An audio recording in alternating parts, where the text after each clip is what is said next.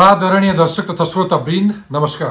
Corona भाइरसको संक्रमण बढ्न थालेपछि भौतिक दूरी कायम गर्दै घरैबाट सञ्चालित यो विशेष कार्यक्रम tough talk from home tough talk तपाईँसँगमा म दिलभूषण पाठक तपाईँ लगायत मेरा सबै सबै दर्शक तथा श्रोतालाई स्वागत गर्दछु। हरेक हप्ता बिहिबार राति नौ बजे हिमालय टेलिभिजनमा प्रसारण हुने यो कार्यक्रम तपाईँ टफ टकको Facebook page tough टकको YouTube page Hamro Patro mobile app र मेरो ट्विटर ह्यान्डलमा हेर्न अनि सधैँ झैँ आइट्युन्स र एन्ड्रोइडको पोडकास्टमा सुन्न सक्नुहुनेछ।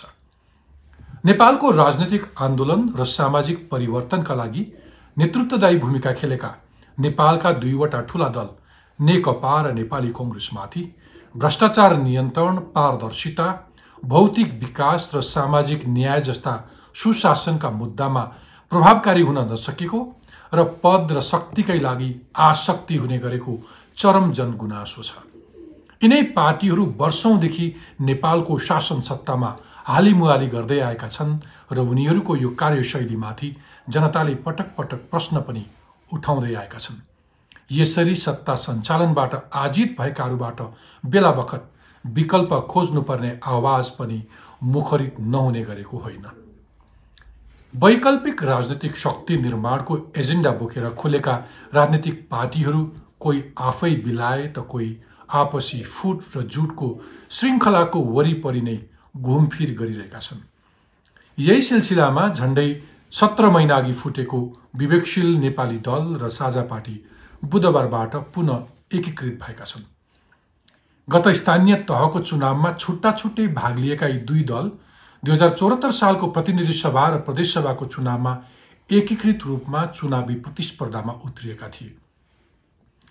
प्रतिनिधि सभाको एक सिटमा पनि विजय हासिल गर्न नसके पनि बागमती प्रदेश सभामा तीन सिटमा चुनाव जितेर आफ्नो उपस्थिति जनाएका थिए तर परम्परागत राजनीतिक दलहरूभित्रको रोगले उनीहरूलाई पनि गाँजिहाल्यो। अहिले पुनः विवेकशील र साझा पार्टीले विगतका कमी कमजोरीहरूप्रति क्षमा याचना गर्दै सुसंस्कृत मूल्य मान्यतामा आधारित आन्तरिक लोकतन्त्रको अभ्यास गर्ने प्रतिबद्धतासहित वैकल्पिक राजनैतिक शक्ति निर्माण गर्ने भन्दै विवेकशील साझा पार्टीको रूपमा एकबद्ध भएका छन्। तत्कालीन माओवादीबाट बाहिरिएपछि बाबुराम भट्टराईले पनि वैकल्पिक राजनीतिक शक्ति निर्माणका लागि भन्दै नयाँ शक्ति पार्टी गठन गरेका थिए। तर अहिले त्यो पार्टी पुराना मधेसी पार्टीहरूमा विलय गराए। उता पूर्व पञ्च पृष्ठभूमिका व्यक्तिहरू रहेको राप्रपा पनि अनेकौं फुटका श्रृङ्खला पार गरेर अहिले एकीकृत भएको छ र वैकल्पिक राजनीतिक शक्तिको दावी गर्छ। तुलनात्मक रूपमा युवा पुस्ताको बाहुल्यता भएको राजकीय जिम्मेवारी लिएर पनि सामाजिक रूपमा नगन्यका व्यक्ति समेत संलग्न भएको विवेकशील साझा पनि आफूलाई नयाँ सोच र ऊर्जा सहितको वैकल्पिक राजनैतिक शक्ति दावी गर्छ। खासमा वैकल्पिक राजनैतिक शक्ति के हो र को हो? के नेपालमा राजनीतिक परिवर्तनकारी भूमिका खेल्दै आएका नेपाली कङ्ग्रेस र कम्युनिस्टको विकल्पमा नयाँ कुनै शक्ति उदाउने सम्भावना छ? वैकल्पिक शक्ति बन्न विवेकशील साझासँग के विशेष नारा छ? यसका राजनीतिक मूल्य मान्यता के हुन्? अथवा भनौँ अन्यभन्दा के यो पार्टी वास्तवमा फरक छ र किन फरक छ? यस्तै प्रश्नको जवाब खोज्न आजको संवादमा मैले बुधबार मात्र एकीकृत भएको विवेकशील साझा पार्टीका अध्यक्ष रविन्द्र मिश्रलाई निम्ति आएको छु। आउनुहोस् स्वागत गरौँ आजका मेरा अतिथि विवेकशील साझा पार्टीका अध्यक्ष Rabindra मिश्रलाई। Rabindraji tough talk from home tough talk तपाईँसँगमा स्वागत छ। हस् धेरै धेरै धन्यवाद दिलभूषणजी मैले यसरी घरबाट यस्तो कार्यक्रमहरू गर्ने गरेकै थिएन तर आज म तपाईँसँग गर्दैछु खुसी लाग्छ। पार्टी एकताको घोषणै घरबाट गर्नुभयो तपाईँहरूलाई धेरै धेरै बधाई पनि छ। बधाईको साथमा शुभकामना पनि दिनुहोस्। बिल्कुल अत्यन्तै धेरै शुभकामना छ। तपाईँहरू पहिले किन फुट्नुभयो अहिले किन जुट्नुभयो भन्ने पहिलो प्रश्न नै त्यहीँबाट सुरु गर्न चाहन्छु। सत्र महिना अघि के कारण छुट्टिनु भएको थियो अनि अहिले कुन परिस्थितिले तपाईँहरूलाई जुटायो रविन्द्रजी? हामीले हाम्रो घोषणापत्रमा र हाम्रो संयुक्त प्रतिवेदनमा पनि लेखेको छौँ। हामी राजनीतिका सिकारु थियौँ। हाम्रो मन ठिक थियो। हामीले देश बनाउने हाम्रो चाहना थियो र हामी गर्न सक्छौँ भन्ने भावना थियो। तर सब राजनीतिक पार्टी हाँक्ने अनुभव हामीसँग कम थियो। र त्यसका साथमा अरू केही व्यवहारगत समस्याहरू स्वाभाविक रूपमा यस्ता कामहरू गर्दाखेरि आउँछन्। त्यो कामहरूका कारण हामी अलिकति दुर्भाग्यपूर्ण स्थितिमा पुग्यौँ। त्यो हामी दुवैलाई अनुभूति भएको थियो त्यसै कारणले जुट्यो। तर एउटा एउटा वैकल्पिक नयाँ सोचको एउटा राजनीतिक शक्ति भनेर तपाईँहरूले दावी गर्दै गर्दाखेरि र तपाईँको फुट र जुटको श्रृङ्खला हेर्दा चाहिँ उही पुरानो पार्टीभन्दा खास फरक देखिएन होइन? भन्नेले त्यसो भन्न सक्छन् श्रृङ्खला भन्ने शब्द नै गलत हुन्छ किनभने श्रृङ्खलामा त धेरै एपिसोड्सहरू हुनुपर्छ होइन? धेरै खण्डहरू हुनुपर्छ। हामी त एकचोटि फुट्यौँ एकचोटि जुट्यौँ। त्यस कारणले गर्दाखेरि त्यो परिवारमा कहिलेकाहीँ झगडा भएर घुर्की लगाएर छोराछोरी होस् अथवा दाजुभाइ होस् कहिलेकाहीँ केही दिन गएर बाहिर साथीका बसेका पनि त हुन्छन्। यो त सानो सानो समस्याहरू परिवारमा त आउँछ भने हामीमा पनि आयो तर त्यसलाई हामीले अनुभूत गर्यौँ अनि आम नागरिकको आवाज सुन्यौँ। तपाईँहरूले गल्ती गर्नुभयो तपाईँहरू मिल्नु पर्थ्यो तपाईँहरू तपाईँले अघि प्रश्न गरे जस्तै के फरक हो भन्ने कुराले हामीलाई जुन बुझिराखेको थियो हामीले त्यसलाई सुधार रविन्द्रजी आम मानिसले तपाईँलाई हेर्ने आँखा चाहिँ के रहेछ भने त्यो पुरानो शक्तिसँग तुलना गर्छन्। के के कुरामा फरक छन् त यिनीहरू? त्यसकारण मैले के भने पुरानो जस्तै फुटे पुरानो जस्तै जुटे अर्को प्रश्न तपाईँले मैले कहाँ सोधेँ भने तपाईँहरूकोमा पनि पुरानै पार्टीको जस्तो पदको मोह देखियो। एउटा पार्टीमा दुईजना नेतृत्वमा होइन? उस्तै उस्तै देखियो जस्तो नेकपामा केपी ओली र पुष्पकमल दाहाल अध्यक्ष दुईजना अध्यक्ष जनता समाजवादी पार्टीमा बाबुराम भट्टराई उपेन्द्र यादव र महन्त ठाकुर। त्यस पछाडि राप्रपामा कमल थापा पशुपति शमशेर जबरा र प्रकाश चन्द्र लोहनी अनि तपाईँहरूको पार्टीमा पनि तपाईँ अध्यक्ष रविन्द्र मिश्र अनि त्यस पछाडि संयोजक मिलन पाण्डे। फरक केही भयो त पुराना पार्टी र तपाईँहरूमा प्रश्न। पहिलो म तपाईँको पहिलो खण्ड प्रश्नको पहिलो खण्डलाई अलिकति स्पष्ट पार्न चाहन्छु। अहिलेको पार्टीहरू आलोचित भएको विगतमा तिमीहरू धेरैचोटि छुट्दै फुट्दै जुट्दै आयो भनेर होइन। नेपाली काङ्ग्रेस पनि धेरैचोटि फुट्दै जुट्दै आयो। पहिलादेखिको इतिहास हेर्नुहुन्छ भने कम्युनिस्ट पार्टीको त कुरै न इतिहासै टुटफुटको होइन मैले मैले सिम्बोलिक सिम्बोलिक रूपमा के अहिले उनीहरू आलोचित भएको मूल कुरा के हो भने तिमीहरूले डेलिभर गर्न सक्यौ व्यवस्था परिवर्तन गर्यौ यो देशको अवस्था परिवर्तन गर्न सकेनौ तिमीहरू भ्रष्ट भयो शासन दिन सकेनौ भनेर आलोचित भएको त्यस हुनाले टुटफुट भएर आलोचित होइन यो यो कुरा यो कुरा तपाईँले पार्टीको अवधारणा बनाएको दिनदेखि आजसम्म भन्दै आउनु भएको छ कि पुराना पार्टीहरूको कमजोरी। मैले कहाँ मात्रै तुलना गरेँ भने नयाँ पार्टी नयाँ राजनीतिक वैकल्पिक शक्ति भनेर दावी गर्दै गर्दा प्रारम्भदेखि नै तपाईँहरूको यात्रामा आजसम्म त्यस्तै त्यस्तै आनी बानी देखियो नि होइन? उस्तै गरेर फुट्नुभयो उस्तै गरेर जुट्नुभयो उस्तै गरेर उनका दुई दुईजना अध्यक्ष छन्। मिल्नेवाला तपाईँहरूको पनि दुई दुईजना अध्यक्ष हुनुभयो। त्यसमा फेरि अर्को पनि प्रश्न सोधिहाल्छु। जसरी त्यो दुई दुईजना अध्यक्षवालाकै जवाब दिएको छैन मैले। ठिक छ भन्नुहोस्।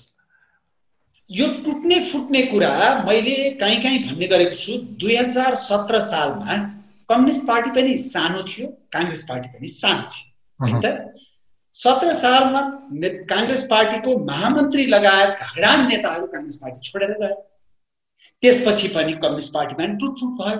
त्यस कारणले यो लामो कठिन यात्रामा कहिले काहीँ टुटफुट हुनु कहिले मान्छे जानु कहिले आउनु त्यसलाई धेरै ठुलो आदर्शवादी लेप लगाउने प्रयास नगरौँ त्यो स्वाभाविक प्रक्रिया अब दोस्रो कुरा तपाईँले जुन दुईटा नेतृत्वको कुरा गर्नुभयो हामीले जस्तो हामी नितान्त फरक फरक पृष्ठभूमिबाट आएका व्यक्तिहरू मिलेर पार्टीहरू बनाएका थियौँ। र हामीले के सोच्यौँ भने हामीले छ महिनाभित्रमा महाधिवेशन गर्ने भनेर भनेकै छौँ। छ महिनाभित्रमा महाधिवेशन गर्ने हो भनेदेखि अहिले तपाईँको धेरै गज्याङ मज्याङ पारेर दुवैतिर गज्याङ मज्याङ पार्नु साट हो हामी दुवैजना मिलेर काम गऱ्यौँ र महाधिवेशनमा गयौँ भने महाधिवेशनले त एकल नेतृत्व स्थापित गर्छ। र त्यो भनेर हामी संयोजक संयोजक भनेर जाँदै थियौँ। तर आम रूपमा तपाईँले भनेको जस्तै मानिसहरूले के बुझिदिए भने यो त अहिलेको कम्युनिस्ट पार्टीको हाल भइहाल्यो। तिमीहरू के फरक भयो भन्ने बुझेपछि हामीले के भन्यौँ भने ल भइहाल्यो उसको वरियतामा पहिलो नम्बरमा राखिएको व्यक्तिलाई अध्यक्ष भनौँ दोस्रो नम्बरमा भएकोलाई संयोजक भनौँ र हामी मिलेर काम गरेर जाउँ भनेर हामी त्यस्तो व्यवस्थामा गएका हौँ। त्यसै कारणले यसलाई हामीले कम्युनिस्ट पार्टीको अहिलेको किचलो या अन्य कुनै पार्टीको रडाकोसँग जोड्न मिल्छ जस्तो लाग्छ ओके होइन मैले फेरि पनि भने कि नयाँ राजनैतिक वैकल्पिक शक्ति भन्दै गर्दाखेरि केही कुराहरू अन्तर उस्तै उस्तै देखियो नि अन्तर भएन। अर्को पनि एउटा प्रश्न छ। जस्तो अन्तर केमा छ भन्ने कुरा अहिले म हामी क्रमैसँग जान्छौँ रविन्द्रजी। एकताको प्रसङ्ग आउँदाखेरि एकीकरणमा जोड्न खोजेको मात्रै। त्यस्तै अर्को पनि प्रश्न तपाईँकोमा के छ भने जसरी ती पुराना पार्टीहरू एकीकरण गर्दाखेरि जम्बो कार्य समिति बनाउँछन्। तपाईँहरूले पनि त्यस्तै बनाउनु भयो अध्यक्ष र संयोजक तपाईँले स्पष्टीकरण दिनुभयो। तपाईँ र मिलन पाण्डेजीकोमा त्यहाँ नजाउँ। तर सचिवालयमा तपाईँहरूको छब्बिस सदस्य दुवै पार्टीबाट तेह्र तेह्रजना राख्नुभयो। द्याट्स फाइन तर केन्द्रीय कमिटीमा पैँसठी पैँसठीजना राखेर एक सय तिसजना बनाउनु भयो त्यो भनेको अरू पार्टीहरूले पनि यस्तै भागभन्डा गर्थे। अनि त्यही भागभन्डा मिलाउनु पर्ने दबावले गर्दाखेरि एउटा जम्बो कार्य समिति बन्थ्यो जस्तो नेकपाको चार सयभन्दा बढी सदस्यको कार्य समिति छ। जनता समाजवादी पार्टीमा करिब करिब आठ सय केन्द्रीय सदस्य छन्।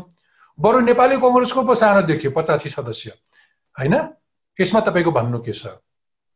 यस्तो छ एक सय तिसजना भनेको त्यस्तो जम्मो होइन। राजनीतिक पार्टीको लागि एक सय तिसजनाको केन्द्रीय समिति भनेको एकदमै ठुलो होइन। यद्यपि महाधिवेशनबाट यसलाई हामीले उनान्सेमा धार्न पनि सक्छौँ अथवा त्योभन्दा सानो होला अथवा अलिकति ठुलो पनि हुनसक्छ आवश्यकता हेरेर। त्यसो हुनाले एक सय तिस भनेको पहिलो कुरा कार्य केन्द्रीय कार्य समितिको लागि त्यो धेरै ठुलो सङ्ख्या होइन। र सचिवालयको लागि त जहिले पनि त्यो ठुलो समितिको लगभग एक तिहाईको हिसाब हुने गर्छ सामान्यतया। त्यहाँ हाम्रो त त्यो एक तिहाई पनि पुग्दैन त्यसो हुनाले I think we are okay म कुनै पार्टीहरूसँग आबद्धता छैन मेरो कुनै पनिसँग तर हरेक पार्टीका कुनै न कुनै आफ्ना आफ्ना स्वभावहरू छन् आफ्ना आफ्ना सिद्धान्तहरू छन्।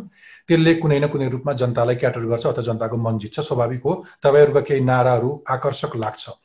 मैले अर्को कुरा तपाईँलाई सोध्न खोजेँ कि तपाईँहरूको पार्टी एकीकरण गर्दै गर्दाखेरि त्यही प्रक्रियामाथि चाहिँ केही सदस्यहरू पर्टिकुलरली विवेकशील तर्फका साथीहरूले चाहिँ तेह्रजना केन्द्रीय सदस्यहरूले केही रिजर्भेसन राख्नुभयो र यो एकता प्रक्रियाबाट बाहिरिनु भयो अब यो आफ्नै साथीहरू नै समेट्न नसकेको अवस्थामा तपाईँहरूले भोलि आम मानिसमा आफ्ना एजेन्डाहरू कसरी समाहित गरेर लैजान सक्नुहुन्छ? यस्तो छ। तपाईँले फेरि म तपाईँलाई विगतमा लैजान चाहन्छु। पार्टीहरू एकीकरण हुँदाखेरि स्प्लिन्टर ग्रुप्स छन्। ससाना समूहहरू निस्किएका उदाहरणहरू छन्। किनभने त्यो प्रक्रियामा कतिपयलाई चित्त बुझ्दैन। र व्यक्तिको व्यक्तिगत अधिकार हो त्यहाँबाट बाहिर। त्यसै कारणले केही साथीहरू नछुट्टी दिनु भएको भए हुन्थ्यो उतापट्टि। तर छुट्टी दिनुभयो। उहाँहरू पनि त्यसको बारेमा खुसी हुनुहुन्न तर छुट्टिनु भयो र भविष्यमा जसरी हामी छुट्टिएका थियौँ हामी मिल्यौँ त्यसै गरी छुट्टिएका साथीहरू सबैलाई हाम्रो जोड्ने प्रयास त रहि नै रहन्छ। त्यो कारणले गर्दाखेरि त्यसलाई मैले अघि पनि भनेको जस्तो हामी वैकल्पिक भन्दैमा यस्तो लेप नलगाउँ पार्टीमा जसमा समाजका अन्य विविध जटिलता विरोधाभास र नकारात्मकताहरूको असरै पर्दैन भनेर नभनौँ। त्यो पर्छ अलिअलि ती समस्याहरू आउँछन् तर मूलत हामीले त्यस्ता समस्याहरू सामना गर्दै अगाडि बढ्नुपर्छ। तपाईँले बुझ्नुहुन्छ एउटा पत्रकारको मर्म। हामीले जनमानसमा उब्जेका प्रश्नहरू राजनीतिज्ञहरूलाई जवाबदेही मानिसहरूलाई सोध्ने हो र त्यो तपाईँहरूलाई एउटा मौका हो आफ्ना मतदाता आफ्ना पार्टीका शुभचिन्तकहरूलाई स्पष्ट पार्ने। तपाईँलाई अर्को पनि एउटा मौका दिन्छु स्पष्ट पार्नलाई। रविन्द्रजी असन्तुष्ट पक्षहरू जसले रिजर्भेसन राखे भनेर भने उनीहरूले राजनीतिक मुद्दाहरूमा तपाईँहरू दुवै दलको स्पष्ट धारणा बन्न सकेन। र पर्टिकुलरली पूर्व अध्यक्ष विवेकशील साझा विवेकशील पार्टीका पूर्व अध्यक्ष उज्जवल थापाले पेश गरेको त्यो आन्तरिक लोकतन्त्र सम्बन्धी विषयलाई चाहिँ व्यवस्था गरियो भनेर पनि तपाईँलाई आरोप लाग्यो। हजुर। त्यो के थियो? त्यो विषय के थियो उहाँहरूले उठाएको? यस्तो थियो। अब पार्टीमा त्यति बेला दुईजना संयोजक थियौँ। र पार्टीका कतिपय साथीहरूको राय के थियो भने कुनै पनि प्रतिवेदन बनाउँदाखेरि दुईजना संयोजक भएर मिलेर बनाउनु पर्छ। एकजनाले आफ्नो सुरमा बनाउनु हुँदैन त्यसले कन्फ्लिक्ट सृजना गर्छ त्यसले द्वन्द्व सृजना गर्छ भन्ने थियो। त्यस कारणले त्यो एक पक्षीय विचार हो। अर्को पक्षीय विचारको हकमा हेर्नुहोस् केही समय अगाडि एउटा पत्रिकाले लेख्थ्यो हिलो छ्याप्दिन भन्दै भन्दै रविन्द्र मिश्रले हिलो छ्याप्नु भयो भनेर मलाई एउटा क्लिप देखाइदिनुहोस् एउटा कोट देखाइदिनुहोस् जहाँ मैले हिलो छापा छाप गरेको छैन। म गर्दिनँ मैले त्यति बेला पनि स्पष्ट भनेको थिएँ घरभित्रको झगडा म चौतारीमा लगेर छताछुल्ल पार्न चाहन्न भनेको थिएँ र मैले त्यो भनाइलाई कायम राखेँ। त्यसै कारणले हो त्यो प्रतिवेदन एकपक्षीय बन्यो। अर्को पक्षबाट मैले त्यसको प्रतिवाद गरेँ। पछिल्लो समय पार्टी सञ्चालनको क्रममा विगतमा तपाईँले अलिकति विवेकशील दलका नेताहरू अथवा साथीहरूलाई अलिक केटाकेटी खालका छन्। बरु आफूलाई अलिक बढी राजनीतिक चेत छ अथवा ज्ञान छ भन्ने जस्तो कुराहरूले गर्दाखेरि चाहिँ पार्टी फुट्न गएको अथवा यो यो यो रिजर्भेसनको अवस्था आएको भन्ने आरोप पनि लाग्यो तपाईँलाई? यस्तो छ। त तपाईँलाई भनेर तपाईँले मलाई व्यक्तिगत रूपमा सोध्नुभयो तर यो सामूहिक रूपमा भएको विषय। कतिपय त्यति बेला विवेकशी नेपाली दलका साथीहरू को गुनासो के थियो भनेदेखि साझाका साथीहरूले हामीलाई अघि तपाईँकै शब्द प्रयोग गर्ने हो भने अलिकति नबुझेर नबुझेको हो कि? अलिकति अपरिपक्व हो कि? भनेर आरोप लगाइराख्नुहुन्छ भन्ने उताका साथीहरूको गुनासो थियो। अब साझाका कतिपय साथीहरूको गुनासो के थियो भने उहाँहरू जुन उमेरको हुनुहुन्छ जुन पृष्ठभूमिको हुनु हुनुहुन्छ उहाँहरूले त अलिकति सिक्नुपर्छ अलिकति उधार हुनुपर्छ अलिकति बुझ्नुपर्छ तर उहाँहरूमा चाहिँ अलिकति दम्ब बढी भयो कि होइन हट बढी भयो कि त्यस किसिमको धारणा फेरि अर्को पक्षमा पनि थियो। त्यसै कारणले त हामीले प्रतिवेदनमा भन्यौँ नि हाम्रा व्यवहारगत कमजोरीहरूका कारणले गर्दाखेरि हाम्रो पार्टी चाहिँ त्यति बेला अलिकति दुर्भाग्यपूर्ण स्थितिमा पुग्यो भनेर हामीले भनेको कारणै तपाईँहरूले हिजोको एकीकरणको दौरानमा तपाईँले आयोजना गरेको भर्चुअल कन्फरेन्समा तपाईँले स्पष्ट पारिसक्नुभयो। हाम्रा केही लर्निङ्सहरू यो समाज अनुसार हामीले केही प्रयोगहरू गर्दै गर्दाखेरि त्यसमाथि केही गल्तीहरू भए हामी त्यसमाथि क्षमा याचना गर्छौँ र अब आगामी दिनमा चाहिँ जनतालाई यति पनि शङ्का गर्ने अथवा मनमा ठेस उत्पन्न हुने परिस्थिति सिर्जना गर्दैनौँ भनेर प्रतिबद्धता व्यक्त गर्नुभयो। मैले तपाईँहरूको एकीकरणका अघिल्ला केही परिस्थितिहरू उठाउन मात्रै प्रयत्न गरेको थिएँ। अब म वैकल्पिक तपाईँहरूको राजनीतिक शक्ति तपाईँहरूको राजनीतिक दर्शनमै केन्द्रित हुन्छु।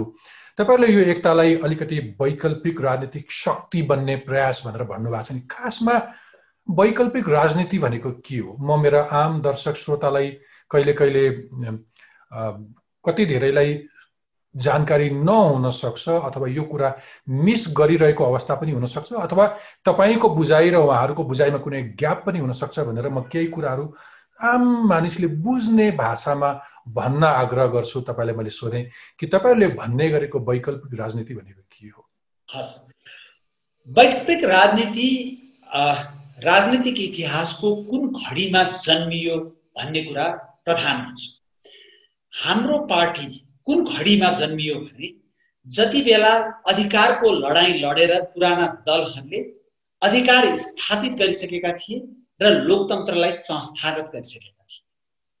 त्यसको साथमा एउटा सामाजिक न्यायको विषयलाई समावेशिताको विषयलाई पनि अङ्गीकार गरिसकेका थिए। अब त्यो विषयहरूलाई सम्वर्धन गरेर हामीले नेपालमा सुशासन समृद्धि र स्वाभिमानलाई स्थापित गर्नको लागि हामी अगाडि आएका हौँ र देशको रूपान्तरण गर्नको लागि अगाडि आएका हौँ। त्यसो हुनाले हाम्रो सन्दर्भमा वैकल्पिक राजनीति भनेको अवस्थाको परिवर्तन अवस्थाको परिवर्तन भनेको के हो त भने आजसम्म दुई हजार सात सालदेखि गन्ती गर्ने हो भने सत्तरी वर्षको इतिहासमा नेपालका राजनीतिक आन्दोलनहरू जहिले पनि व्यवस्था परिवर्तन गर्नमा केन्द्रित भयो र हरेक चोटि व्यवस्था परिवर्तन गर्दाखेरि त्यो परिवर्तन गर्नुपर्नको कारणको औचित्य दर्शाउनुमा केन्द्रित भयो जस्तो अहिले राजतन्त्रवादीहरू सडकमा निस्किएर गणतन्त्रले काम गर्दैन भनिरहेका छन्। मैले पार्टी घोषणा गर्दाखेरि भने गणतन्त्रका सबभन्दा ठुला शत्रु भनेको भ्रष्ट र असक्षम आडम्बरी गणतन्त्रवादीहरू नै हुन् यदि गणतन्त्रवादीहरूले सुशासन दिन सकेको भए यदि गणतन्त्रवादीहरूले भ्रष्टाचारप्रति शून्य सहनशीलता अप्नाएको भए म त्यसमा आउँछु। यदि गणतन्त्रवादीहरूले यो देशको स्वाभिमानलाई कायम राखेको भए अहिले राजतन्त्रवादीहरू सडकमा पनि निस्किँदैन थिए र हामी जस्तो नेपालमा सुशासन दिन्छौँ भ्रष्टाचारलाई शून्य पार्छौँ र नेपाललाई समृद्ध बनाउने दूरदृष्टि हामीसँग छ भनेर आएका वैकल्पिक पार्टीहरूको लागि पनि स्थिति धेरै जटिल। ओके म कारणले नेपालको सन्दर्भमा वैकल्पिक राजनीतिलाई यसरी बुझ्नुपर्छ जस्तो लाग्छ। तर तपाईँहरूले वैकल्पिक राजनीतिको नाममा उठान गरेका मुद्दाहरू हेर्दाखेरि चाहिँ आम मान्छेले यो पनि आरोप लाउँछन् कि तपाईँहरूसँग खास मूल्य मान्यता केही पनि छैन तर पुरानो पार्टीबाट असन्तुष्ट मानिसहरूलाई जम्मा गर्ने एउटा प्रयास मात्रै हो भनेर त्यसरी फरक व्याख्या गर्ने गर्छन्। त्यस्तो दोष लाग्छ? त्यसरी फरक व्याख्या गर्नेहरूलाई म दुईटा कुरा भन्न चाहन्छु। भारतमा वैकल्पिक पार्टी जन्मियो र अहिले दिल्लीमा नेपालको जत्रै जनसङ्ख्यालाई हाँकेर आम आदमी पार्टी बसेको छ। होइन त? हो। त्यो त्यसको जन्म र त्यसको उत्थान केही हदसम्म पुराना पार्टीका असन्तुष्टिहरूसँग जोडिएको हुन्छ। केही हदसम्म नयाँ वैकल्पिक पार्टीले बोक्ने मुद्दा र विश्वसनीयतासँग जोडिएको। त्यसै कारणले पुरानो पार्टीहरूको असन्तुष्टहरूलाई मात्रै तानेर वैकल्पिक बनाउन खोजेको होइन। तर पुराना पार्टीहरूले राम्रो काम गर्दाखेरि वैकल्पिक पार्टी जन्मिने वैकल्पिक पार्टीहरूको लागि त्यो यात्रा कठिन हुन्छ। त्यस कारणले त्यो तथ्यलाई हामी मनन गरौँ पाकिस्तानमा त्यही हो तपाईँको भारतमा त्यही हो त्यसै गरी अहिले युरोपका कतिपय देशहरूमा त्यस्ता परिस्थितिहरू जन्म बनेका छन्। अब जहाँसम्म विचार छैन यिनीहरूको मूल्य मान्यता छैन भनेर भन्ने कुरा छ। त्यो चाहिँ के हो भने हामीले हाम्रा विचारहरू यो छोटो राजनीतिक यात्रामा जनता समक्ष राम्रोसँग पुर्याउन सकेका छैनौँ। हाम्रा विचारहरू म तपाईँलाई अलिकति मुदागत रूपमा छोटकरीमा स्पष्ट पार्न चाहन्छु। पहिलो कुरा विवेकशील साझा पार्टीको दर्शन छैन भनेर भन्नुहुन्छ कतिपयले विचार छैन। हामीले स्पष्टसँग भनेको छौँ हाम्रो वैचारिक दर्शन भनेको कल्याणकारी लोकतन्त्र हो। तर लोक लोकतन्त्र आफै कल्याणकारी हुँदैन र लोकतन्त्र। यस्तो तन्त्र त्यो आफै कल्याणकारी त्यो आफै परोपकारी होइन? व्यवस्था। समाजवादी लोकतन्त्र भनेर किन भन्नु लोकतान्त्रिक समाजवाद भनेर किन भन्नु भन्नु पर्दैन नि। कहिलेकाहीँ त्यो मूल विषयलाई एउटा विशेषण लगाएर डिफाइन गर्नुपर्ने किन डिफाइन गर्नुपर्ने हुन्छ भने त्यसमा विशेष जोड दिनुपर्ने हुन्छ। अब हामीले कल्याणकारी लोकतन्त्र किन भन्यौँ त भने कल्याणकारी राज्यको अवधारणा सबै लोकतान्त्रिक देशले अवलम्बन गर्दैनन् एउटा कुरा। र दोस्रो कुरा कल्याणकारी राज्य अवलम्बन गर्ने देशले सबै लोकतान्त्रिक मूल्य मान्यता अवलम्बन गर्दैन। भनेको सिङ्गापुरमा पनि कल्याणकारी राज्यका कैयौँ अवयवहरू अवलम्बन गरिएका छन्। चिनमा पनि गरिएका छन्। त्यसै गरी खाडीका देशहरूमा पनि गरिएका छन्। तर हामीले चिनको जस्तो अथवा खाडीको देशको जस्तो कल्याणकारी लोकतन्त्र चाहेको होइन। हामीले चाहेको कल्याणकारी लोकतन्त्रको बलियो जब भनेको लोकतान्त्रिक मूल्य मान्यता र अधिकार हुनुपर्छ जसलाई हामीले सहभागितामूलक लोकतन्त्र सहभागिता सहितको लोकतन्त्रको जगमा कल्याणकारी राज्य निर्माण गर्नुपर्ने हुनाले कल्याणकारी लोकतन्त्र भन्यो। अब कल्याणकारी राज्य किन भन्यो?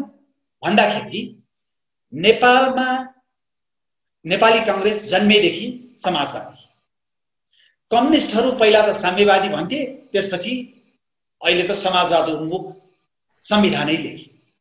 संसारमा मलाई एउटा देश भनिदिउन् यी आडम्बरी समाजवादीहरूले जहाँ समाजवादलाई मूल मन्त्र बनाएर शिक्षा र स्वास्थ्य जस्तो नागरिकको नैसर्गिक अधिकारमाथि छरपष्ट व्यापार गरिएको कहाँ छ युरोपमा समाजवादी देशहरू छन् तर त्यहाँ राज्य सञ्चालन गर्ने नेताहरूले अस्पताल र प्राइभेट स्कुल चलाउँछन् अथवा चलाए पनि जसले चलाउँछ संसदमा गएर त्यसैले प्राइभेट स्कुल कसरी चलाउने भन्ने नीति बनाउँछ।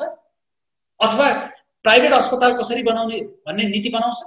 बनाउँदैन। र शिक्षा र स्वास्थ्य यस्तो विषय हो जसले वर्ग विभाजनलाई न्यूनीकरण गर्छ। नत्र तपाईँ वर्ग जन्मेदेखि तराईको देहातमा जन्मिएको एउटा बच्चा स्कुल जान पाउँदैन। एउटा वृद्धले औषधि खान पाउँदैन। तपाईँ र मेरा छोराछोरी काठमाडौँमा जन्मेको हुनाले उनीहरूले राम्रो स्कुल पनि पाउने राम्रो स्वास्थ्य सुविधा पनि पाउने। दुवैजना नेपाली नागरिक। अहिले एक्जिस्टिङ पुराना पार्टीहरूले तपाईँले भने भन्दा फरक त कुरा गर्दैनन् नि त कुरा गर्नलाई त। संविधानमा त फेरि व्यवस्था छ नि। आमै तपाईँले यो प्रश्न त सोध्न सकिन्छ।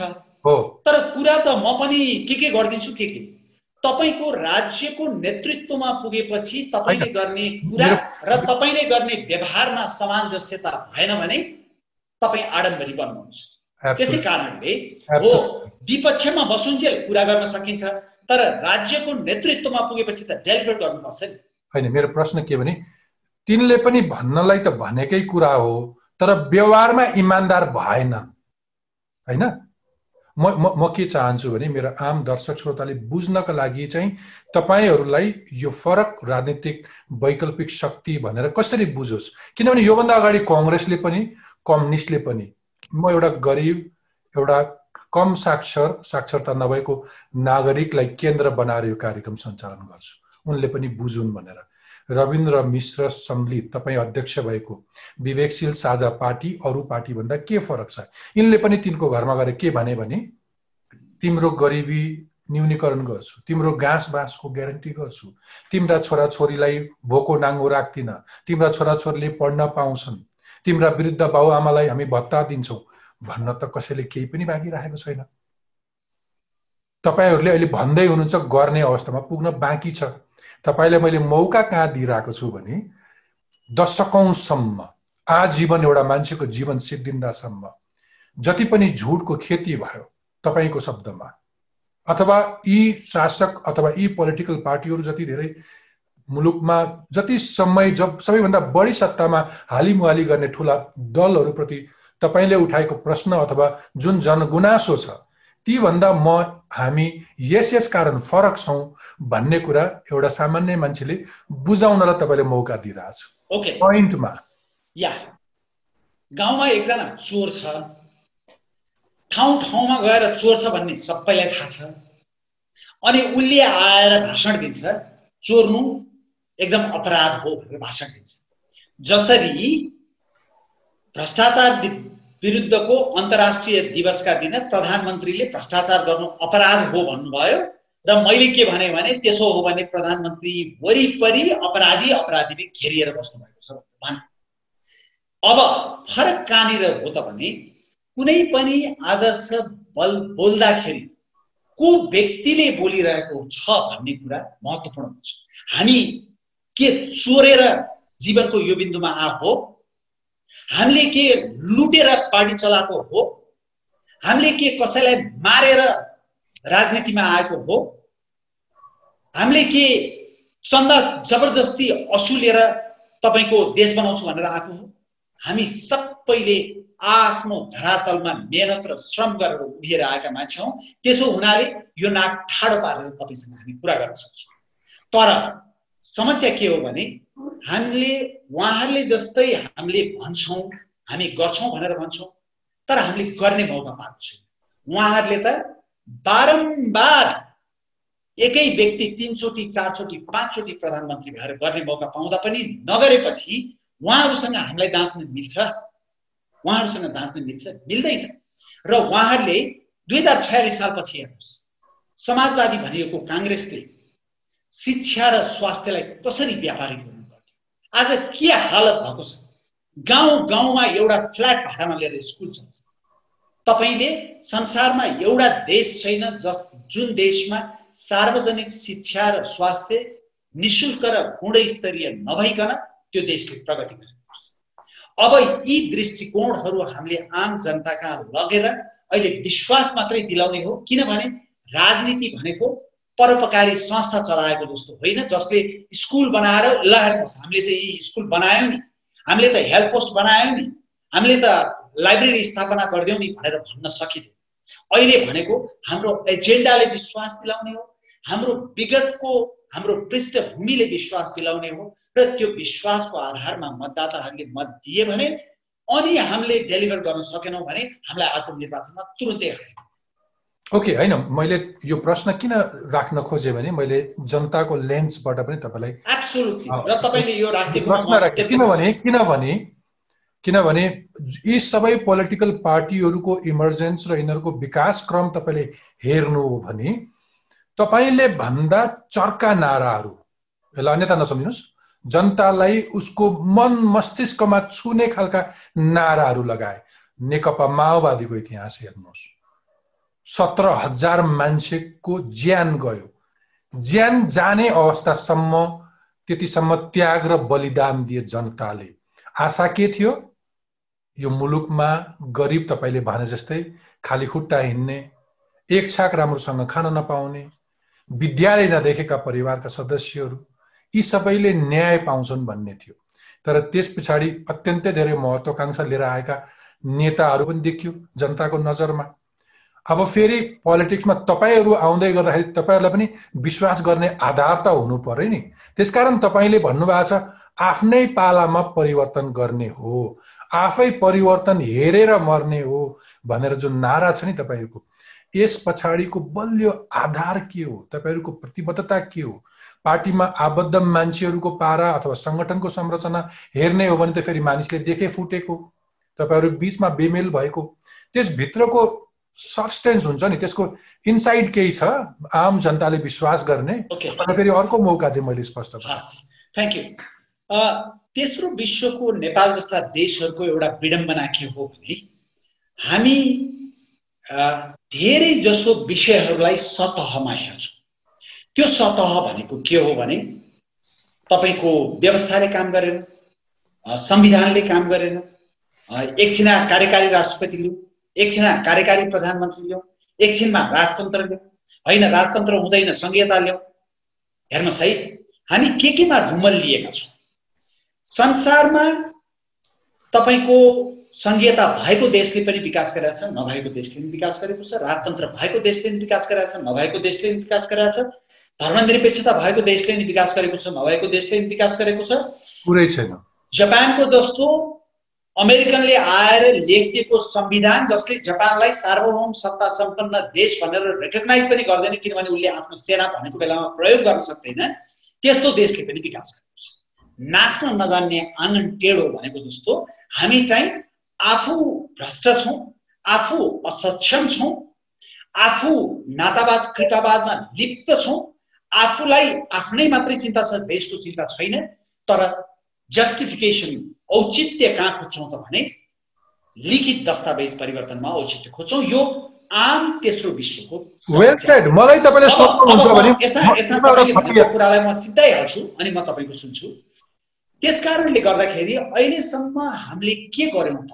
भन्दा सबै देशको अविकास मूल रूपमा दुई तिनवटा विषयसँग आएर जोडिएको छ। एउटा सार्वजनिक शिक्षाको गुणस्तरसँग जोडिएको हुन्छ किनभने सार्वजनिक शिक्षाको गुणस्तर राम्रो नभइकन तपाईँले दक्ष जनशक्ति उत्पादन गर्न सक्नुहुन्न दक्ष जनशक्ति उत्पादन नभई त्यो देशको कुनै पनि क्षेत्रमा एकदम अत्यधिक विकास हुनै सक्दैन त्यो औसत मात्रै हुन्छ औसत हुँदा न्यून हुन्छ। अनि सार्वजनिक शिक्षाको गुणस्तर राम्रो नभएपछि नैतिकवान जमात पनि नागरिक पनि निस्किन सक्दैन। अब नैतिकवान नागरिक पनि नजन्माउने सार्वजनिक शिक्षाले दक्ष जनशक्ति पनि नजन्माउने भएपछि नेपालको हालत हुन्छ। अब हामीले के भनेका छौँ?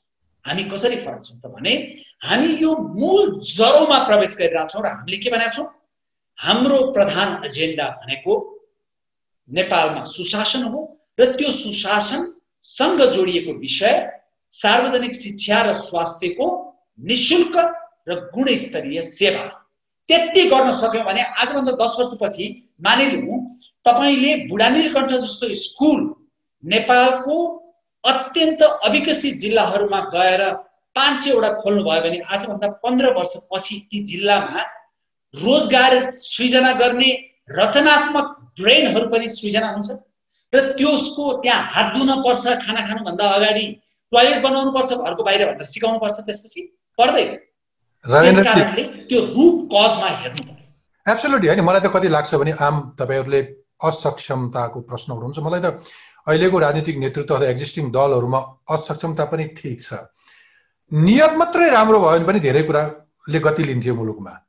नेतृत्वमा युवाहरूलाई अवसर दिए नयाँ सोचहरूलाई अवसर दिए जुन क्रिएटिभ तरिका अप्नाएर भ्रष्टाचार गर्छन् त्यस्ता गलत हरकतहरू मात्रै गरेनन् भने पनि धेरै क्षमता पनि भनेको हामीसँगै थिङ्क ट्याङ्क छ यही देशमा पढ्ने दिग्गज मान्छेहरू छन्। तपाईँ जस्ता मान्छेहरू बिबिसीको अन्तर्राष्ट्रिय जागिर छोडेर राम्रो कमाइ छोडेर राजनीतिमा आउनु भएको छ यहाँ आफै पनि गर्न सक्ने मान्छेहरूको अभाव होइन। तर तर सोच हुनु पर्यो इमान्दार प्रयत्न हुनु पर्यो भन्ने जस्तो लाग्छ मलाई। ठिक छ मैले तपाईँलाई अर्को एउटा प्रश्न सोधेँ कि तपाईँहरूले पर्टिकुलरली अत्यन्तै महत्त्वका साथ उठाउने गरेको चाहिँ भ्रष्टाचार नियन्त्रण अथवा भ्रष्टाचार नियन्त्रण हुनुपर्छ पारदर्शिता भनेर भन्नुहुन्छ। तपाईँहरूको पार्टी एकीकरण आफै भ्रष्टाचार विरुद्धको दिवसका अवसरमा पारेर गर्नुभयो। तर स्वयं तपाईँहरूको पार्टीभित्र पनि अपारदर्शिताको कुरा उठ्यो जस्तो कि पूर्व अध्यक्ष उज्जवल थापाजी आफैले पार्टीमा अलिकति आर्थिक अनियमितता गरेको आरोपहरू लाग्यो त्यस्तो केही? त्यो हाम्रो त्यो एकदमै नितान्त फरक पक्ष हो र त्यो विवेकशील साझामा हुँदाखेरिको विषय होइन। त्यसका आफ्नै केही इस्युजहरू होलान्। तर पारदर्शिता भनेको विषयलाई कसरी बुझ्नुपर्छ भने त्यो निरपेक्ष पारदर्शिता हुँदैन। राजनीतिक दलमा लोकतन्त्र र समिति प्रणालीको बिचमा सन्तुलन हुनुपर्छ। पारदर्शिताको नाममा हामी बाटोमा नाङ्गे हिँड्न सक्दैनौँ। मान्छे त मान्छे हो नि सबैलाई थाहा छ लुगा नलायो भने हामी कस्तो हुन्छौँ भन्ने। तर त्यो त गर्दैनौँ होइन? हो exactly same thing applies in a political party or in any other organisation okay हुन्छ। अब अलिकति सैद्धान्तिक प्रश्न अघि तपाईँले केही उठाइसक्नु भएको थियो तर तपाईँहरूको साझा पार्टीको गत वर्ष लुम्बिनीमा भएको भेलाले चाहिँ धर्मनिरपेक्षता र संहिताको बारेमा जनमत सङ्ग्रह गर्नुपर्ने निर्णय गरेको थियो। त्यो निर्णयप्रति तपाईँहरूको अहिलेको धारणा के छ? अहिले एकीकृत भइसकेपछि पनि त्यही मान्यता राख्छ तपाईँहरूको पार्टीले? यस्तो हो एकीकरण नहुँदाखेरि पनि त्यो धारणासँग असहमत साथीहरू पार्टीमा हुनुहुन्थ्यो नि। एन्ड द्याट्स नेचुरल होइन? काङ्ग्रेस पार्टीमा अहिले संहिता विरोधी साथीहरू पनि हुनुहुन्छ हिन्दू राष्ट्र पक्षधर साथीहरू पनि हुनुहुन्छ राजतन्त्रवादी साथीहरू पनि हुनुहुन्छ कम्युनिस्ट पार्टीमा पनि हुनुहुन्छ।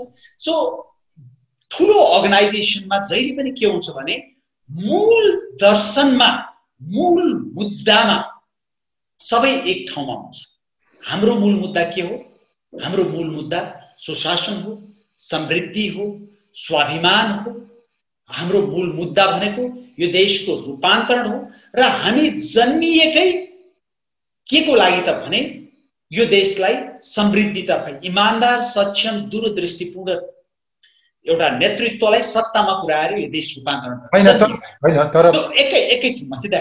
त्यसै कारणले यो मुद्दामा हाम्रो विमति छैन। तर जुन तपाईँले लुम्बिनी भेलाको विषय उठाउनु भयो त्यस्ता विषयहरूमा जहिले पनि मति र विमतिहरू हुन्छन् र अहिले पार्टी एकीकरण भएपछि पनि स्वाभाविक रूपमा त्यसमा सहमति जनाउने त्यसमा विमति जनाउने साथीहरू हुनुहुन्छ। र यो विषय भनेको हामी पर्गेल्दै पर्गेल्दै जान्छौँ। यो विषयमा छलफल चलाउँदै जान्छौँ। महाधिवेशनले पार्टीको एउटा धारणा बनाउँछ। र कहिलेकाहीँ तपाईँको धारणा नबन्दाखेरि कतिपय दृष्टिकोणहरू आफ्ना दृष्टिकोण बोकेर पार्टीको मूल मुद्दामा समाहित भएर हामी अगाडि बढ्छौँ। तर त्यो परिस्थितिमा पुग्नुभन्दा अगाडि नै टुङ्गिसकेको विषय संविधानमा उल्लेख भइसकेको कुरा चाहिँ जनमत सङ्ग्रहको पक्षमा लिएपछि तपाईँको पार्टीमा संलग्न रहेका केही अलिकति वरिष्ठ नेताहरू अलिकति थिङ्क ट्याङ्क मानिने मान्छेहरूले चाहिँ छोड्नुभयो जस्तो सूर्यराज आचार्य मुमाराम खनालजीहरूले यही प्रश्न उठाएर छोड्नुभयो तपाईँहरूको पार्टी? होइन होइन। त उहाँहरूले उहाँहरूको पनि केही विमति थियो होला तर उहाँहरूले पार्टीबाट अलग हुनुको त अलिकति फरक कारणहरू पनि छन्। त्यसमा नजाउँ। तर तपाईँको संविधानले निर्क्युल गरेको विषय अहिलेको संविधानले गणतन्त्र सङ्घीयता धर्मनिरपेक्षता अङ्गीकार गरेको छ। र हामी त्यही भित्रबाट चुनाव लडेर त्यही राज्य संरचनाबाट यो नेतृत्वमा पुगेर यो देश रूपान्तरण गर्छौँ भन्दैछु। र अहिलेको संविधानले निश्चित केही विषयहरूमा बाहेक सबै ठाउँमा जनतालाई आफ्नो मत व्यक्त गर्ने अधिकार पनि दिएको छ जन्म सङ्ग्रहको अधिकार पनि दिएको छ। र कसैले त्यो जन्म सङ्ग्रहको अधिकार प्रयोग गर्छु भन्यो भने त्यसलाई प्रतिगामी भन्न मिल्दैन। त्यसलाई पश्चगामी भन्न मिल्दैन। ओके के हो प्रतिगमन भने?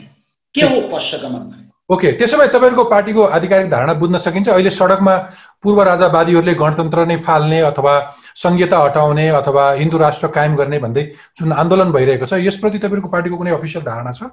होइन यसपट्टि अब अहिले त भर्खरै हामी एकीकृत भयौँ तर तपाईँको नेपालको संविधानले दिएको अधिकारलाई प्रयोग गरेर शान्तपूर्ण रूपमा कसैले आफ्नो मत निर्माण गर्न चाहन्छ भने त्यसलाई तपाईँले एकदम भूतप्रेत जागेको गोबर खाएको प्रतिगमन मौलाएको यो त हेर्नुहोस् नेपालको राजनीतिमा गएको तिस वर्ष सत्तरी वर्षको राजनीतिले यस्तो अनुदार समाज निर्माण गरिदिएको छ। जहाँ तपाईँ र मेरो दृष्टिकोण अन्तर हुने बित्तिकै तपाईँ पश्चगमनकारी तपाईँ प्रतिगामी। जनकपुरमा बस्ने एकजना नागरिक जसले सङ्घीयता यो देशको लागि आवश्यक छ। सङ्घीयता चाहिन्छ यो देशमा। भन्यो भने के त्यो विखण्डनकारी मात्रै हुन्छ? त्यो देशभक्त नेपाली हुन सक्छ कि सक्दैन? अथवा बिहान उठेर पूजा आराधना गर्ने र नेपाल चाहिँ विश्वको एक मात्रै हिन्दू राष्ट्र थियो। त्यो हिन्दू राष्ट्रको परिचय बाँच्नु हुँदैन थियो भन्ने मान्छे असल र देशभक्त हुन सक्दैन। त्यो पश्चगामी मात्रै हुन्छ। ठिक छ। अनि जसले अग्रगमनको नाममा यो देशको दोहन गर्छन् यति काण्ड गर्छन् ओम्नी काण्ड गर्छन् बालटार काण्ड गर्छन् धमिजा काण्ड गर्छन् लाउडा काण्ड गर्छन् त्यो चाहिँ जस्ट बिकज उनीहरूको धारणा अलिकति फरक भयो उनीहरू अग्रगमनकारी। मैले भन्न खोजेको के हो भने तपाईँ र मेरा धारणा फरक हुन सक्छ तर लेट्स रेस्पेक्ट इच अदर अनि मात्रै उदार लोकतन्त्रको मूल्य मान्यतामा हामी बाँधिएका हुन्छौँ। म अझै यसमा एउटा कुरा थप्न चाहन्छु। संसदमा तपाईँले याद गर्नु भएको छ? संसदमा तपाईँले आफूले चाहेको जस्तो विधेयक पारित हुँदा ताली पिट्ने आफूले चाहेको जस्तो विधेयक पारित भएन भने बहुमतको आधारमा टाउको गनेर टेल्ने भनेर तपाईँको कुर्सी हानाहान गर्ने के हो लोकतन्त्रमा? रविन्द्रजी मैले लोकतन्त्र व्यक्तिको दृष्टिकोणबाट निर्देशित हुँदैन लोकतन्त्रको मूल्य मान्यताबाट व्यक्तिको दृष्टिकोण निर्देशित हुनुपर्छ। रविन्द्रजी मलाई तपाईँले एज अ सङ्गठनका हिसाबले जे पनि मुद्दाहरू उठाउनुहुन्छ एउटा नागरिक समाजको महत्त्वपूर्ण अङ्ग पत्रकारितामा रहेका कारण म यी विषयहरूमा सधैँ छलफल र संवाद चलाउँछु। तपाईँले भने जस्तै हाम्रो कार्यपालिकाका व्यतिथिका बारेमा न्यायपालिकाको व्यतिथिका बारेमा तपाईँले उठाउने गरेको भ्रष्टाचारका मुद्दामा म दर्जनौँ कार्यक्रमहरू यसरी नै संवादका रूपमा सञ्चालन गर्दै आएको छु। एउटा मात्रै आशय के हो भने जवाबदेहिता बढाउन सुशासनमा योगदान पुर्याउन एउटा पत्रकारिताले कति योगदान पुर्याउन सक्छ त्यसका लागि लाग्ने हो। मैले तपाईँलाई सोध्न खोजेको के हो भने तपाईँले अघि देखाइरहेका ठाउँहरूको व्यतिथिको कुनै हिसाबै छैन। ट्रान्सपेरेन्सी इन्टरनेसनलले यत्रो रिपोर्ट देख सार्वजनिक गर्यो। हामी समाजमा भ्रष्टाचार बढ्यो भनेर चिन्ता गर्ने होइनौँ कि बचाउन लाग्छौँ होइन? नेकपालाई बचाउन थाल्छौँ कहाँ थाल्छौँ। त्यो आफ्नो भनेको समाज कति कुरूप भइरहेछ भन्ने केही दृष्टान्तहरू खोज्नलाई टाढा जानु पर्दैन। न्यायपालिकाको भ्रष्टाचारका बारेमा एउटा वरिष्ठ अधिवक्ताले ठुल्ठुलो स्वरमा यो कार्यक्रममा पटक पटक भन्नुभएको छ। पटक पटक ती कुराहरू आइरहन्छ। मैले तपाईँले सोध्न खोजेको के भने समाज त फेरि त्यही समाज हो। तपाईँलाई मैले यति धेरै प्रश्नहरू सोधेँ। जुन प्रश्नहरू तपाईँले चित्त बुझेन होला तर त्यो प्रश्न मैले समाजमा उठेका प्रश्नहरू तपाईँसँग ल्याइ पुर्याएका हुँ। एउटा वैकल्पिक शक्ति बन्न कति सजिलो रहेछ? मैले जस्तो उदाहरण तपाईँलाई दिन्छु कि नेपाली कङ्ग्रेसले अथवा कम्युनिस्टहरूले भन्छन् कि त्यो सात सात सात सालको आन्दोलनभन्दा अगाडिदेखि हामी स्थापित भएका हौँ। हामी पञ्चायत विरुद्ध लड्यौँ। हामीले राजतन्त्र फाल्यौँ। यत्रो समावेशिता अथवा सामाजिक न्याय अथवा यिनका लागि भनेर बन्दुक उठायौँ जेल नेल खप्यौँ भनेर धाक त लगाइरहन्छन् नि। तपाईँले अहिले भनिरहेको कुराहरूलाई फेरि आम मानिसले कसरी रिसिभ गर्छ त? भन्दाखेरि जस्तो गत वर्ष कास्की दुई नम्बरको उपनिर्वाचन हेऱ्यो भने तत्कालीन विवेकशील र साझाका उम्मेद्वारहरूले कुल मत प्राप्त गरेको जोड्दाखेरि मुस्किलले एक हजार हाराहारी पुग्छ। तपाईँको विचारप्रति म सम्मान गर्छु। धेरैले तपाईँलाई चिन्न जाने मान्छेहरूले तपाईँले गरेको त्याग पछिल्लो समय र तपाईँको लगाव देखेर प्रशंसा गर्छन्। तर मैले मेरो प्रश्न के भने एउटा वैकल्पिक शक्ति बन्न कति गाह्रो रहेछ नेपालमा? तपाईँलाई राति निन्द्रा लाग्छ? एउटा कुरा के हो भने म मानसिक रूपमा एकदमै कठिन र चुनौतीपूर्ण यात्राको लागि तयार भएर आएको व्यक्ति हुँ। किनभनेदेखि मलाई थाहा छ यो समाजमा गाउँको उपभोक्ता समितिको सदस्य ऊ स्थानीय समाजसेवी होइन ऊ काङ्ग्रेस कम्युनिस्ट स्कुलको शिक्षक कलेजको प्राध्यापक ऊ शिक्षक र प्राध्यापक होइन काङ्ग्रेस कम्युनिस्ट रविन्द्रजी। पत्रकार। रविन्द्रजी आधा सम्पादकहरू नाइन्टी नाइन पर्सेन्ट सम्पादकैहरू पत्रकार छोडिदिनुहोस्। कुनै एउटा पत्रकार फेला पारिदिनुहोस् जो प्रेस युनियनमा काङ्ग्रेसको भातृ सङ्गठन प्रेस युनियनमा छैन अथवा नेकपाको अर्को कुनै सङ्गठनमा छैन अथवा अर्को कुनै चौतारीमा छैन। फेला पारिदिनुहोस् त। म कुनै राजनीतिक दलमा सङ्गठनमा आबद्ध छैन भनेर भन्न सक्ने पत्रकारहरू निकालौँ त। पत्रकार हाम्रै पत्रकारकै नाममा पत्रकारिताको ज्याकेट अथवा ओढेर अथवा ह्याट लाएर बदमास गर्नेहरू कति छन् भन्नुहोस् त। समाज त्यही भएर मैले भने कि यो खालको समाजमा तपाईँले लिएको मिसन त्यति सजिलो छ। कति कष्ट पनि होइन। एकदमै एकदमै कष्टकर छ र तपाईँले अघि जुन पोखराको उपनिर्वाचनको न्यून भोटको कुरा गर्नुभयो ठ्याक्कै तपाईँले भनेको विषयसँग जोडिएको छ। किन जोडिएको छ भने दिनदिनै अहिलेको नेतृत्वले भ्रष्टाचार गर्छ मेरा छोराछोरीले दुःख पाउँछ। राम्रो बाटोमा हिँड्न पाउँदैनन् राम्रो पार्कमा जान पाउँदैनन् राम्रो स्कुल जान पाउँदैनन् राम्रो तलब पाउँदैनन् जागिर खाँदाखेरि पाउँदैनन् होइन? तर त्यो सही सहीकन फेरि हामी भोट दिनेलाई दिन जान्छौँ। त्यो यसरी गाँजेर राखेको छ समाजलाई त्यो गाँजेको जुन पक्ष छ फलामे एउटा सिक्री छ त्यो तोड्न गाह्रो छ। तर दिलभूषणजी म तपाईँलाई भन्छु अब ठिक छ हाम्रा कमजोरीहरूका बावजुद हामी कमजोरी सुधार्दै जाउँला तर हाम्रो मैले मेरो चुनावको बेलामा भने म मान्छे हुँ गल्ती गरौँला तर बेइमानी गर्दिनँ यो देशलाई घात हुने काम गर्दिनँ भनेर भने हामी घात गर्दैनौँ बेइमानी गर्दैनौँ हाम्रा सानातिना कमजोरीहरू होला। तर ती कमजोरी हेरेर पुरानै पार्टीलाई भोट दिइराख्ने हो भने यो देश अर्को तिस वर्षसम्म यसै गरी खस्रिराख्छ र आम नागरिकका छोराछोरीले र सन्तानले दुःख पाउँछन् नेताहरूले सुख पाउँछन्। बदल्ने हो भने अब विवेकशील साझाको विकल्प छैन। त्यसमा स्पष्ट भने विकल्प छैन। हामीसँग एजेन्डा छ हामीसँग विचार छ हामीसँग प्रतिबद्धता छ हामीसँग देशभक्ति छ र हामीसँग गर्न सक्ने सक्षम मान्छेहरू छन् हामी गर्छौँ। र त्यसमाथि केही निश्चित मान्छेहरूको तपाईँप्रति विश्वास पनि छ। आश पनि छ। फरक के मात्रै हो भने कसैले हात लगाउने साथ नदिने तर रमिता हेरेर बस्नेहरूसँग पनि मनमा कहीँ अन्तर कुन्तरमा यिनले गर्छन् कि भन्ने थोरै आशा छ। तर त्यो आशालाई मूर्त रूप दिन चाहिने के रहेछ भने तपाईँहरूको पछिल्ला गतिविधिको केही टिप्पणीहरू म हेर्दै थिएँ कि सामाजिक सञ्जालमा हल्ला गरेको भरमा त्यहाँ प्राप्त लाइक्स र डिसलाइक अथवा प्रतिक्रियाहरूमा दङ्ग परेर बस्ने होइन। कुनै एउटा पार्टी तपाईँले लिएको मिसन आर्जन गर्नलाई त्यहाँ पुग्नका लागि तपाईँको सङ्गठन चाहिन्छ।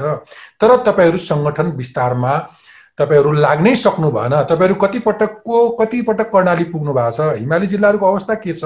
तपाईँहरूले फर्मेसन गरेको सेन्ट्रल कमिटीको मेम्बर्सहरूको प्रोपोर्सन के छ? सङ्गठन त चाहियो नि होइन फेरि तपाईँले भनिरहेको कुरालाई ल्याउँ जित्नलाई चुनाव जितेर त्यो नेतृत्वमा पुग्नलाई नेतृत्वमा मलाई पठाऊ मात्रै भनेर त पुगेन नि तपाईँले। नागरिकलाई गाली गरेर मात्रै भएन नि पुरानालाई मात्रै सधैँ दियो हामीलाई तिमीले मौकै दिएनौ भनेर गुनासो गरेर त भएन। सङ्गठनको अवस्था के छ? एउटा रमाइलो विडम्बना के हो भनेदेखि हामी सुदूर पश्चिमदेखि सुदूर पूर्वका धेरै जिल्ला धेरै गाउँ धेरै नगरहरूमा पुग्यौँ। ती फोटोहरू सामाजिक सञ्जालमा राख्यौँ। सामाजिक सञ्जालका टिप्पणीकर्ताहरूले के भनिदिनु भयो तपाईँहरू सामाजिक सञ्जालमा मात्रै सीमित हुने भनिदिउँ सामाजिक सञ्जाल त हाम्रो देखाउने केसिङ गर्ने ठाउँ हो। तर हामी पुगेका छौँ नि। हाम्रो तपाईँको प्रदेश प्रदेशमा सङ्गठनहरू छ तर सबै ठाउँमा छैन। सबै ठाउँमा छैन। र हामीले अब साझा राजनीतिक भूयात्रा भनेर भूयात्रा गरिराखेका छौँ। तर त्यसलाई अलिकति आर्थिक सहयोग विश्वभरि बसेका नेपालमा बसेका नेपालीहरूले अलिकति गरे भनेदेखि हामी ठुलै एउटा यात्रामा जाने योजना पनि गर्दैछौँ र त्यो पनि गर्छौँ र कतिपय साथीहरूलाई म के निवेदन गर्न चाहन्छु भने हामीलाई यसो गर उसो गर भन्नुको साथमा हामीलाई दुई तिन किसिमका सहयोगीहरूको आवश्यकता पर्छ। एउटा अग्र पङ्क्तिमा आएर म पनि भिड्छु यो बाटो चुनौतीपूर्ण छ तर देश बनाउने हो म पनि भिड्छु भनेर आउने साथीहरू चाहियो एउटा। त्यसपछि हामीलाई अलिकति पछाडिबाट नैतिक समर्थन गर्ने साथ दिने साथीहरू चाहियो त्यसको साथमा हामीलाई आर्थिक रूपमा साथ दिने साथीहरू पनि चाहियो ओके भनेको भनेको तपाईँहरू सङ्गठन विस्तारको क्रममा हुनुहुन्छ। आम आम मानिसले बुझे जस्तो यो सङ्गठनको मूल आधार चाहिँ सहरिया जनमत मात्रै हो अथवा युवाहरू मात्र हो भन्ने चाहिँ होइन। कर्णाली प्रदेशको दसैँवटा जिल्लामा हामीले सङ्गठन बनाइसक्यौँ। त्यस्तो विकट ठाउँहरूमा ठाउँ ठाउँमा वडा समितिहरू बनेको छ नगर समिति बनेको छ तर व्यापक रूपमा गर्न बाँकी छ गर्न बाँकी छ। तर साथ दिने अग्र पङ्क्तिमा लड्ने साथीहरू भए मात्रै हामी सङ्गठन निर्माण ओके रविजी एउटा दुइटा प्रश्न बाँकी छ तर समय सिद्धिसक्यो तपाईँसँग जाँदा जाँदै फेरि तपाईँको विकास सम्बन्धी तपाईँहरूको भिजन पनि मलाई सुन्न मन लाग्यो। पर्टिकुलरली रोजगारी सृजना अथवा पूर्वाधार विकास अथवा लोकतन्त्रकै सुदृढीकरण सामाजिक न्याय शिक्षा स्वास्थ्य लगायतका क्षेत्रहरूमा तपाईँहरू कसरी अगाडि बढ्नुहुन्छ? अघि तपाईँले भन्नुभयो केही व्यतिथिहरू त्योबाट मुक्त पाउनलाई हामीलाई जिताउनुपर्छ त भनेर भन्नुभयो। त्यसमा तपाईँहरूको पर्टिकुलर अवधारणा के छ? विकास सम्बन्धी भिजन विकास हेर्नु सबभन्दा पहिला आएर तपाईँले विकासको मुद्दालाई भ्रष्टाचारको तहसँगै जोड्नुपर्ने हुन्छ। जुन राज्य जुन सरकार भ्रष्ट हुन्छ स्वाभाविक रूपमा त्यहाँ विकास अवरुद्ध हुन्छ। एक महिनामा उकिने पिच पिच बाटो बन्छ होइन? पच्चिस वर्षमा नै नबन्ने खानेपानी आयोजना निर्माण हुन्छ। त्यस कारणले गर्दाखेरि विकासको मुद्दा सबभन्दा पहिला सुशासनसँग जोडिएको हुन्छ र सुशासन सँगसँगै त्यो क्षमतासँग जोडिएको हुन्छ। किनभने क्षमतावान नेतृत्व नभइकन त्यो सक्षम विकास गर्न सक्षम जनशक्ति उसले आफू वरिपरि राख्नै सक्दैन पहिलो पक्ष त्यो हो। दोस्रो पक्ष चाहिँ हामीले कसरी हेर्नुपर्छ भने हेर्नुहोस् यो नेपाल जस्तो देशको लागि तपाईँको फोरेन डाइरेक्ट इन्भेस्टमेन्ट र आन्तरिक रूपमा व्यवसायी उद्योगीहरूले गर्ने लगानीको लागि मैत्रीपूर्ण वातावरण नबनाउने हो भने कुनै पनि हालतमा राज्यले मात्रै गर्ने खर्चबाट विकास सम्भव छैन। अहिलेको अवस्था के हो भने एउटा ठुलो आयोजना लिएर यहाँको अरबपति व्यवसायीले त्यो आयोजना सुरु गर्छु भन्यो भने पाँच वर्षसम्म उसको फाइल हल्लेको हल्लै हुन्छ किनभने उसको उसले कमिसन नदिकन त्यो फाइलै नो डाउट नत्र त रोजगारी दिन दिन्छु ठुलो आयोजना गर्छु भन्ने मान्छेलाई विकसित सुसंस्कृत देशमा हो भने अरूले आएर फारम भरिदिन्छ कम्पनी रेजिस्टर गर्न यहाँ तपाईँको फाइलै मुभ हुँदैन। त्यसो हुनाले सबभन्दा पहिला एउटा कुरा उल्लेख गरौँ। अहिलेका प्रधानमन्त्रीले त्यो करप्सन घटाउनलाई फाइल चाँडै मुभ होस् भन्नका लागि अनलाइनको व्यवस्था गरेका छौँ। यातायात मालपोत लगायत नापिएका कार्यालयहरूमा भनेर दाबी चाहिँ गर्नुभएको छ। तर अब फेरि हेर्नुपर्छ। प्रधानमन्त्रीज्यूले त्यस्ता दाबी तपाईँलाई थाहा छ? त्यहाँ कमिसन नदिकन इन्टरनेट नै डाउन हुन्छ नि। इन्टरनेट अप त्यति बेला मात्रै हुन्छ जब कमिसन पाउँछ। होइन? कतिपय ठाउँमा हामीले पढाएको छौँ। त्यस कारणले मैले भन्न खोजेको के हो भने विकासको भिजनिङ गर्नुभन्दा अगाडि इमान्दार र सक्षम नेतृत्व चाहियो अनि त्यो सक्षम नेतृत्वले नेपालका प्रमुख राष्ट्रिय महत्त्वका अहिले झन्डै पच्चिसवटा आयोजना छन् राष्ट्रिय महत्त्वका आयोजना पच्चिसवटा हुन सक्दैन धीरभूषणजी। मैले दक्षिण कोरियाको इक्जाम्पल बारम्बार दिन्छु। सोल भुसाङ राजमार्ग भन्दाखेरि बजेटको पच्चिस प्रतिशत एउटा राजमार्गमा खर्च हो त्यो हो राष्ट्रिय महत्त्व। मलाई एकजना अर्थशास्त्रीले के भन्दै हुनुहुन्थ्यो भने अहिले हामी दुई हजार सतहत्तर सालमा छौँ। तपाईँ अर्को तेत्तिस वर्ष जोड्नुहोस्। सरी अर्को तेइस वर्ष जोड्नुहोस्। र तपाईँ सम्झिनुहोस् कि तपाईँ अर्को शताब्दीमा प्रवेश गर्दाखेरि पनि अहिलेका यी राष्ट्रिय गौरवका आयोजना जहाँका त्यहीँ हुन्छन् ती कम्प्लिट हुनेवाला छैनन्। जुन हिसाबले यो सरकारले हरेक वर्ष बजेट छुट्याउँछ केही हुनेवाला छैन त्यो त्यो चाहिँ अलिकति अतिशयोक्तिपूर्ण हो कि किनभने कतिपय राष्ट्रिय गौरवका आयोजनाहरू कम्प्लिट हुने निकै प्रगति भएका आयोजनाहरू पनि छन्। तर मैले भन्न खोजेको के हो भने नेपालको पाँचवटा यस्ता आयोजना आइडेन्टिफाई गर्नु पर्यो जसले अर्थतन्त्रलाई उद्वेलित गरोस् र अर्थतन्त्र उद्वेलित भएपछि त्यसले रोजगारी स्वत सृजना गर्छ। र त्यस्ता किसिमका अब अहिले समय सिद्धि लाग्यो नत्र के के हुनसक्छ भनेर अलिकति त्यसबारे पनि कुरा गर्नुहुन्थ्यो। तर बेसिकल्ली यति फोकस्ड प्लानिङ हुनुपर्छ नेपाल जस्तो देशमा पच्चिसवटा होइन तिनवटा आयोजना आइडेन्टिफाई गर्नुहोस् जसले नेपालको अर्थतन्त्रलाई मजाले उद्योगित गर्नुहोस्। र त्यो उद्योग जस्तो बुढी गण्डकी भन्नुहोस् न एउटा उदाहरणको लागि काठमाडौँबाट धेरै पर छैन फेवातालभन्दा विशाल ताल सृजना हुन्छ। पर्यटकीय दृष्टिकोणबाट त्यो ठाउँ कस्तो होला त्यसबाट निस्किने बिजुली ले नेपालको उद्योग धन्दामा कति असर पार्ला? होइन? यी यावत यावत कुराहरू छन्। नि त्यस कारणले गर्दाखेरि हामीले विचार गर्नुपर्ने कुरा के हो भने विकासको भिजनिङ गर्दाखेरि यसरी छरपष्ट डाँडा काटेर बजेटलाई कनिका छरेको जस्तो छरेर विकासको भिजनिङ हुन सक्दैन। It has to be a very very focused plan okay okay अब अन्तिम प्रश्न तपाईँहरूको तपाईँहरूलाई सोध्न मन लागेको तपाईँहरूको आफ्नो योजना अनुसार साँच्चीकै वैकल्पिक शक्तिको रूपमा देखिन आउँदो चुनावसम्म कस्तो खालको स्वरूप ग्रहण गर्छौँ होला भन्ने कुनै त्यस्तो अनुमान छ? तपाईँहरूको भिजन के छ नेक्स्ट इलेक्सनसम्ममा हामी हाम्रा विचार हाम्रा मुद्दाहरू हाम्रा मूल्य मान्यताहरू तपाईँले अघि भनेको जस्तै एकदमै दूर दराजमा बसेका जनतासँग रिलेट गर्नमा अझै चुकिरहेका छौँ। किन चुकेका छौँ भने त्यो एउटा सा वैचारिक सिक्रीमा यसरी बाँधिदिएको छ। त्यो सिक्री तोडेर जनताको मनभित्र हामी पस्न सक्छौँ मलाई पोइन्ट मलाई पोइन्टमा फोकसमा भन्दाखेरि प्रदेशमा अथवा सरकारमा तपाईँको उपस्थिति कुन रूपमा कसरी आउँदै हुनुहुन्छ आउँदै यसरी। अब हाम्रो पूर्ण फोकस सङ्गठन विस्तारमा हुन्छ। र हामी सकभर गाउँ गाउँमा पुग्ने प्रयास गर्छौँ र त्यसपछि हाम्रो फोकस आउँदो स्थानीय चुनाव र त्यसपछिको सङ्घीय चुनावमा हामी केन्द्रित भएर काम गर्छौँ।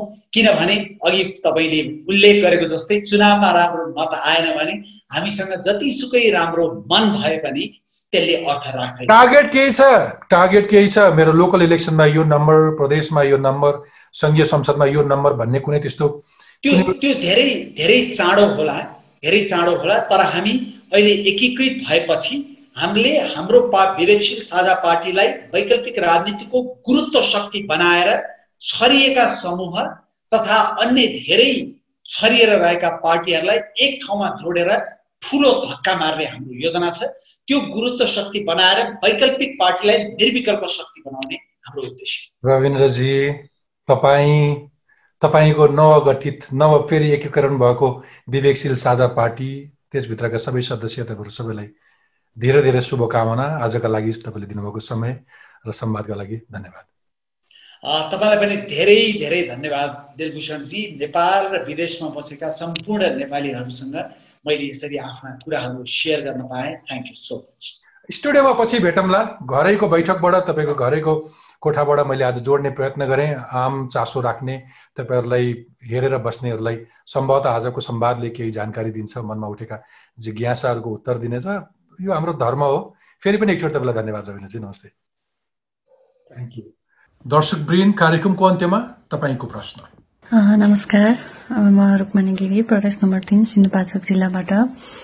मेरो प्रश्न चाहिँ माननीय श्रम रोजगार तथा सामाजिक सुरक्षा मन्त्रीज्यूको लागि रहेको छ।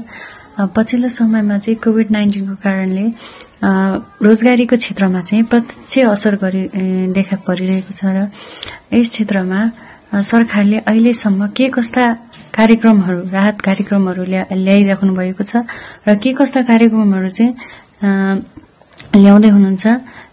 के कस्ता योजनाहरू छन् त्यसको बारेमा बताइदिन हुनको लागि म मन्त्रीजीलाई आग्रह गर्दछु। धन्यवाद। नमस्कार म मन्दिरा कोइराला भीमसेन गोला बागमती प्रदेशबाट। माननीयज्यूलाई मेरो प्रश्न निम्न रहेको छ। कोरोना कोरोनाको उपचार अथवा प्रतिरोधात्मक किसिमका भ्याक्सिनहरूको रसिया चाइना बेलायत लगायतका विभिन्न राष्ट्रहरूमा अनुसन्धान भइरहेको अवस्था छ। औषधि वा भ्याक्सिनहरूको उत्पादन पछि सरकारवाला अन्तर्राष्ट्रिय निकायको अनुमति पश्चात व्यावसायिक उत्पादन सुरु हुन थाल्नेछ। त्यसबेला नेपालको पहिलो कदम के हुनेछ? खरिदको प्रक्रिया अगाडि बढाइनेछ कि कुनै राष्ट्रले अनुदान देला कि भनेर कुरिनेछ? नमस्कार म सपना गिरी बालाजु बागमती प्रदेश काठमाडौँबाट। यस्तो कोभिडको संक्रमण बढिरहेको बेला उपत्यका लगायतका देशका विभिन्न भागमा लामो तथा छोटो दूरीका सार्वजनिक यातायातमा यात्रुहरूको चाप अत्याधिक छ जहाँ न कुनै स्वास्थ्य मापदण्ड अप्नाइएको छ न त सामाजिक दूरी कायम गरिएको छ। यसलाई व्यवस्थित गर्न स्वास्थ्य मन्त्रालयले सम्बन्धित पक्षसँग किन समन्वयन गर्न नसकेको होला? धन्यवाद। अबदेखि टफ टकमा तपाईँ आफै पनि प्रश्न राख्न सक्नुहुनेछ। सरकारमा बस्ने हुन् वा प्रशासन चलाउने सार्वजनिक ओदामा बस्ने हुन् वा समाजका जिम्मेवार व्यक्ति? तपाईँ जसलाई पनि प्रश्न गर्न सक्नुहुन्छ उत्तर नआउन पनि सक्छ तर प्रश्नको प्रभाव अनेक किसिमले परिरहेकै हुन्छ। त्यसैले आजै आफ्नो मोबाइल फोन उठाउनुहोस् क्यामेरा अन गर्नुहोस् नाम र ठेगाना भन्नुहोस् कसलाई के प्रश्न हो आधा मिनटभित्र सोध्नुहोस् र हामीलाई पठाउनुहोस्। हामी सबैभन्दा राम्रा प्रश्नलाई कार्यक्रममा समावेश गर्नेछौँ। हवस् अर्को हप्ता यसरी नै भेटौँला। कार्यक्रमका बारेमा टकको युट्युब पेजमा आफ्नो प्रतिक्रिया लेख्न नभुल्नुहोला। स्वस्थ रहनुहोस् सुरक्षित रहनुहोस् आजलाई बिदा दिनुहोस्। नमस्ते शुभरात्रि।